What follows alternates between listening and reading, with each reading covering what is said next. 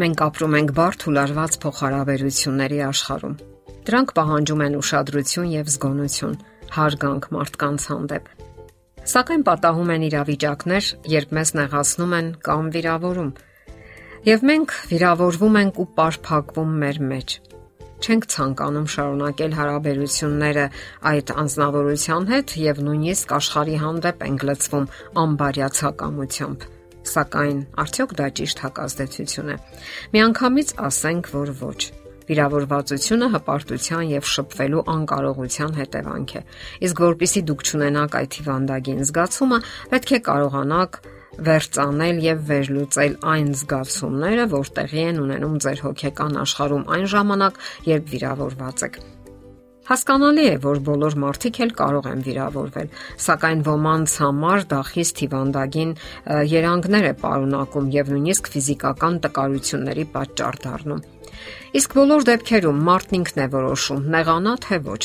եւ ավելի շատ մարդիկ ընտրում են նեղանալը։ Այլապես ինչպես ցույց տան աշխարհին, որ աշխատանքային ղեկավարը նեղացրել է իրեն, ամուսինը կամ կինը վատ է արտահայտվել իր մասին եւ այլն։ Այլ կերպ ասած, նրանք ցանկանում են ուղերձ հղել աշխարհին, որ իրենք բավարարված չեն կյանքի մակարդակից եւ հատկապես որ իրենք ավելիին են արժանի, սակայն կյանքը անարդար է եղել իրենց հանդեպ։ Հոգեբաններն ասում են, որ իրենց վիրավորվածության մեջ մեծահասակները նմանվում են օրորոցյան երեխաներին, որոնք ցանկանում են լաց ու ճիչով գրավել մեծահասակների ուշադրությունը։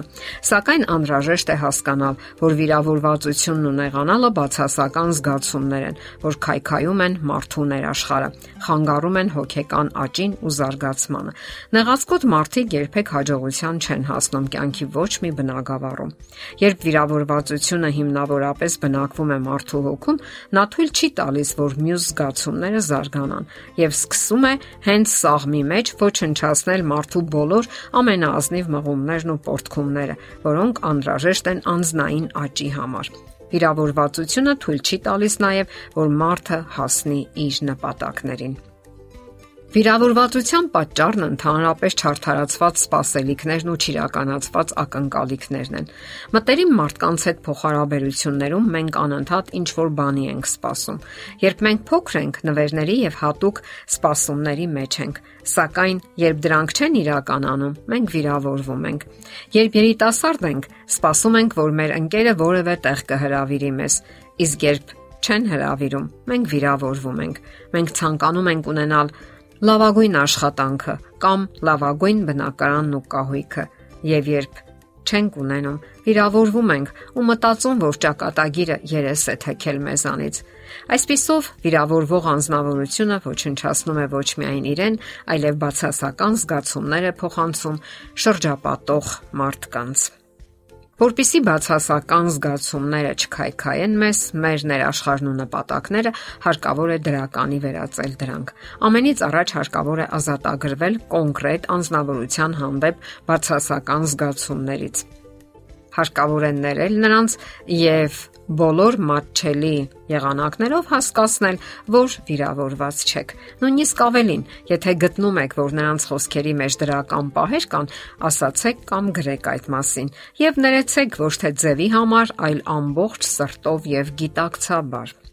Նաև ասենք, որ զգուշավորությունը ավելորդ չէ։ Պարտադիր չէ, որ ամեն կերպ շփվեք այն մարդկանց հետ, որոնք գայթակղության ու նյարդայնության առիթ են տվել ձեզ, որոնք պատրաստ են ամեն հարմար առիթով վիրավորել ու ցածրացնել ձեզ։ Պարզապես խուսափեք նրանցից Հիշեք, որ վիրավորված եւ աշխարհից նեղացած ագրեսիվ անznավորությունները էներգետիկ վամպիրներ են։ Նրանք որոնում են նորանոր մարդկանց, որpիսի պարզապես կլանեն նրանց ուշադրությունն ու ժամանակը։ Նրանք հրահրում են շփումներ, որpիսի կարողանան ուրիշներին էլ վարակել իրենց բացասական տրամադրությամբ։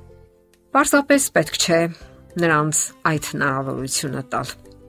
Եթե դուք ունեք որևէ նպատակ կամ երազանք, ընթացեք հանդարտ, սահուն եւ զգույշ։ Ժամանակ մի կորցրեք ավելորդ վիրավորանքների վրա։ Վատատես մարդիկ կջլատեն ձեր ուժերը։ Իսկ եթե նույնիսկ չեք հասնում ձեր նպատակին, պետք չէ հուսահատվել։ Մի նեղացեք կյանքից կամ տիեզերքից, որ ինչ որ բան չստացվեց, որ ձեզ չեն սիրում։ Ձեր երջանկությունը հաստատ դրանից կախված չէ։ Եթե դուք անընդհատ ինչ-որ բան սպասեք ուրիշներից, միշտ էլ վիրավորվելու առիթներ կունենաք։ Մի սպասեք, որ ձեր ճաշակով պետք է հակնվեն կամ շարժվեն ձեր կամքի համեմատ։ Ասեն այնպիսի խոսքեր կամ վարվեն այնպես, որը ձեր կամքով եւ ձեր ցանկությամբ լինի։ Այսպիսի արտահայտություն կա. ոչ մեկը ոչինչ պարտք չէ որևէ մեկին։ Կեղծ ինքնամեծարումը հաճախ մարդուն ստիպում է